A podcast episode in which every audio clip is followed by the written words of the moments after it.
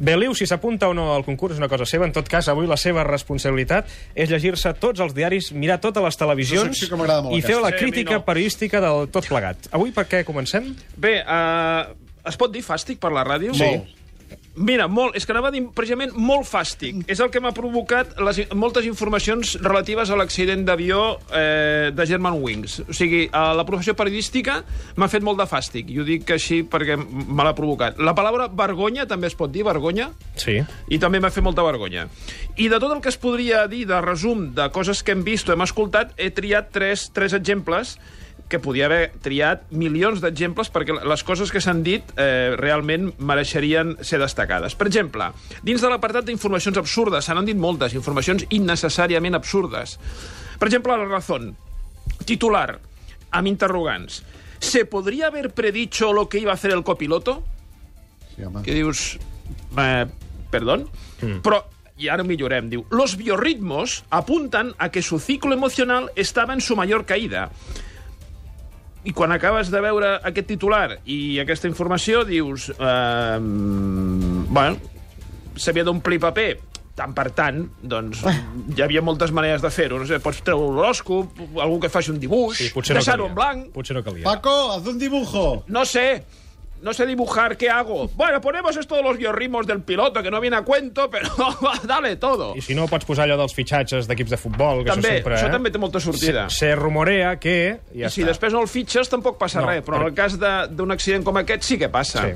Fer aquestes coses. Uh -huh. Després tenim l'apartat d'informació totalment innecessària, per exemple, el director del periòdico, no és, no és que tinguem res contra el periòdico, perquè ningú s'ofengui, però és com a exemple. Va publicar una piulada dient el periòdico elimina les fotos de les víctimes Germanwings per petició expressa de les famílies.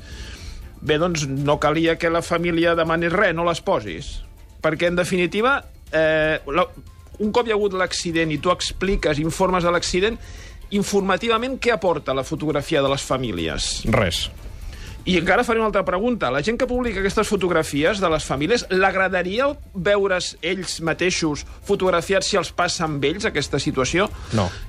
Eh que no? Doncs no cal. Si a vostè no li agradaria trobar-se en aquesta situació, no faci que els altres s'hi trobin, i ja està. I si no les publiquen, no caldrà que la família demani, si us plou, podia treure aquesta fotografia que no serveix per I en res. tot cas també és com bastant lleig posar-se o fer un tuit dient és que el periòdico, en aquest cas, elimina les fotografies, no? Com dient, nosaltres tenim un gest humil quan en tot cas ja l'has cagat abans. Sí, si no ho fas, doncs mira, mira tot el que t'estalvies. És, és, i, I mira que senzill, eh? Perquè mm -hmm. és no, no fer-ho. Ja està, no, no, no hi ha cap problema. I després tenim un altre, un altre apartat, que seria el de les especulacions absolutament incomprensibles, que hem llegit una quantitat de- de- d'estupideses de, humanes que eh, no hi cabrien eh, en, el, en, la, en aquest estudi, per exemple, i mira que és gran. Mm. Per exemple, un exemple, Daily Star, perquè dic, no, és que la, la, la premsa espanyola, bé, doncs la premsa de fora també. L'altre dia publicava que el que m'ha estranyat, en positius, també s'ha de dir, que això no hagi tingut gaire ressò i que s'hagi quedat només en algun diari anglès i en algun diari eh, alemany.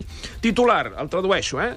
Diu, un pilot tormentat per dimonis homosexuals secrets, que com a titular és... Eh, és, és, és, és terrible.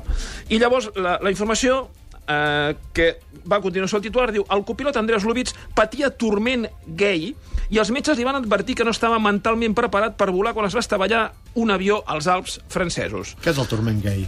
No sé, el Daily Star s'hauria de trucar al director i dir-li, escolti, primer, vostè està bé? Vostè està bé del cap? Està bé del cap? I a continuació, miri, deixi-ho. Monti un Frankfurt, monti, no sé, algun... No, No, un però ritual, deixi això... No m'estimes Frankfurt. O sigui, deixi-ho. Sí, això de, de, de, de, de publicar coses als diaris eh, no cal, eh, senyor Daily Star. Canviem de tema a la polèmica portada de Pau Gasol a l'ABC. A tota portada, diumenge, eh, una fotografia en primer pla pràcticament de Pau Gasol, titular. En Estados Unidos es inconcebible que se pite al himno. Clar, com que aquí, a més o menys, tots ens afaitem, ens depilem, això ve pel tema de la final de la Copa del Rei Sí. de futbol entre eh, l'Atlètic de Bilbao i el Bilbao, Barça, que s'ha dit que si la gent xiularà o no, No, xiularà... sap, no pas passat encara. No, això. però ja ho saben. Ja saben el que passarà i ja saben tot. Ja, això, això és també futurologia, és mm. també... Doncs bé, eh, a l'ABC aprofita un diumenge, que és normalment el dia que la gent té més temps per llegir, per publicar una entrevista a les pàgines interiors, però treure en portada aquesta gran frase. Llavors dius, ostres, Molt bé. Anem a veure l'entrevista. Anem a veure l'entrevista, Eh? Perquè va. normalment, clar, el titular és el ti la portada és la portada i l'entrevista és l'entrevista. Sí, de fet, em va, va provocar molts comentaris via Twitter aquesta notícia i molta gent eh, deia això, demanava que s'anés a l'entrevista sencera Clar. perquè aquest titular és força enganyós. Clar, perquè en aquest cas, el titular... El que, o sigui, el que està dient aquest titular és... Mira, veus, Pau Gasol, que és català, el que està dient és que no es xiuli... O sigui, eh? perquè com que aquí eh, les coses s'han d'explicar, la interpretació és aquesta. Sí. I aquest és l'objectiu i eh, el que es pretén amb aquesta portada. I què diu l'entrevista de dins? Pregunta, ¿se imagina que en uno de los partidos, le preguntan a Pau Gasol, ¿se imagina que en uno de los partidos que disputan Estados Unidos se pitara el himno nacional? Diu, diu Pau Gasol, aquí el momento del himno se vive de una manera muy sentimental, patriótica, es algo que no podría suceder, sería impensable. És a dir, està descrivint el que passa als Estats Units. Sí. No està dient, no, és que esto en Espanya... No, està dient simplement, home, aquí als Estats Units, doncs miri, tenen aquest costum. ¿Y qué le parece que esto ocurra en España? És la següent pregunta que es fa, eh? ¿Qué le parece que esto ocurra en España? Y diu textualment Pau Gasol, históricamente no es algo que se pueda comparar. Com matisant la seva frase Faig una pausa. Sí. Primera frase. Históricamente no es algo que se pueda comparar. Per tant, eh, és inconcebible que se pite l'himno de la portada, mm, queda absolutament devaluat, queda absolutament desmentit per aquesta eh, afirmació. Continúa. Por una parte está claro que está la libertad de expresión. No todo el mundo está de acuerdo con ciertas cosas, pero por otra parte está el respeto a ciertas instituciones, al significado del himno nacional. Es un tema de cierta controversia, sin duda alguna. Tampoco podemos cambiar la historia de nuestro país, que es como es, y por eso hay realidades tan diferentes que coexisten. Caram. És a dir, està fent de, de Pau Casol, com molts altres esportistes, que és no mullar-se per, no, per evitar-se problemes i que li repreguntin i llavors haver de donar explicacions, fa una resposta generalista, però en tot cas el que recordo diu que hi ha realitats diferents que estan coexistint, que no es pot comparar als Estats Units, per tant... Ai, potser la portada no era ben bé. No. Potser no, eh? No, potser no. Parlem ara d'una notícia que et fa exclamar allò que quan la llegeixes et dius allò d'escolti, em podrien avisar abans, no? És de l'ABC, també. Titular. Amb, que també un interrogant Sí, això dels titular titulars amb amb interrogant interrogants... també és eh, una cosa nova que... sí. Una cosa és fer-ho amb un article i l'altra és amb una notícia. Murió Paul McCartney en 1966, que és aquella famosa teoria... Encara és viu. Jo crec que sí, que és mort. Bueno, el, el senyor que surt, que no, s'assembla... La teoria és que és mort i Sí, és un sí, i doble. que és un Ah, morir. cantar. Que això, perdoneu, diuen que és un doble, però en tot cas és un doble que s'hauria afegit als Beatles eh, gairebé la meitat de trajectòria dels Beatles. Per Sí. tant, tan doble no seria. No. Potser seria més bo el doble que el que hi havia abans. que era, van tenir sort... Si fos així, eh? Van tenir sort de la llegenda. Bé, Clar, és que clar. Doncs la, la notícia ja comença amb l'interrogant aquest. Eh? Recordem, murió Paul McCartney en 1966, que és una història que es va repetint i repetint.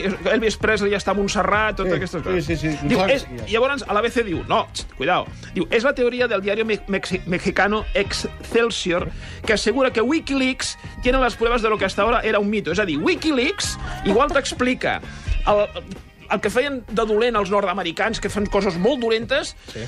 I, i, I després que Paul McCartney és un senyor d'Astorga que el van fitxar... Usted, li van dir, nene, li van dir, Paco, Paco. ¿tú quieres venir a, a tocar con los Beatles? Jo sé tocar. Ah, pues, pues, pues ven. Pues toca. I va començar a dir-se Paul McCartney. Bé, llavors, la informació de l'ABC diu el diario mexicano Excelsior ha publicado un documento secreto de la policía británica Scotland Yard confirmando la muerte del Beatle Paul McCartney, bla, bla, però llavors dona dades. Se trata de un acta de defunción fechada el 9 de noviembre del 1966, per això, això ja és una dada, Mm? donde el notario Edward Wallans, s'està donant un nom, i el jefe de policía de l'època, Giles Templeton, Mm. també es dona un nom, dan fe del trágico acontecimiento que sucedió en el cruce de las calles Abbey Road i Belsize Road. És a dir, es diu el lloc, es diu qui... Per tant, sembla una certa... que bueno, podria ser veritat. Hi ha una base, sí, sí. Esto vendría, diu l'ABC, a confirmar uno de los rumores más extendidos entre los seguidores... Mira, el d'Astorga. No feia malament, eh? Aquí es nota que text en gallec. L'he- L'heu notat, no? You far away! Que en original és Carballeira, però després van canviar-ho. Bé, el Bé, cas, diu, sí. diu l'ABC, diu, esto también da a confirmar uno de los rumores más extendidos entre los seguidores de la mítica banda. Y comences un rollo, bla, bla, bla, bla, bla. Última frase. A veure. Si bien Wikileaks ha negado que exista la citada información. Llavors, per què Dius, fas aquesta home, notícia? Clar. He estat 10 minuts llegint-me el senyor Giles Templeton, jefe de la policia de l'època, el senyor Edward Wallans, tot. I al final em, em dieu No existeix. que Wikileaks diu que això no és veritat. Hombre, Es desmunta. Al final, a vegades, hi ha moltes coses que es desmunten. Home. Iu Fort, moltíssimes gràcies. a vosaltres per venir.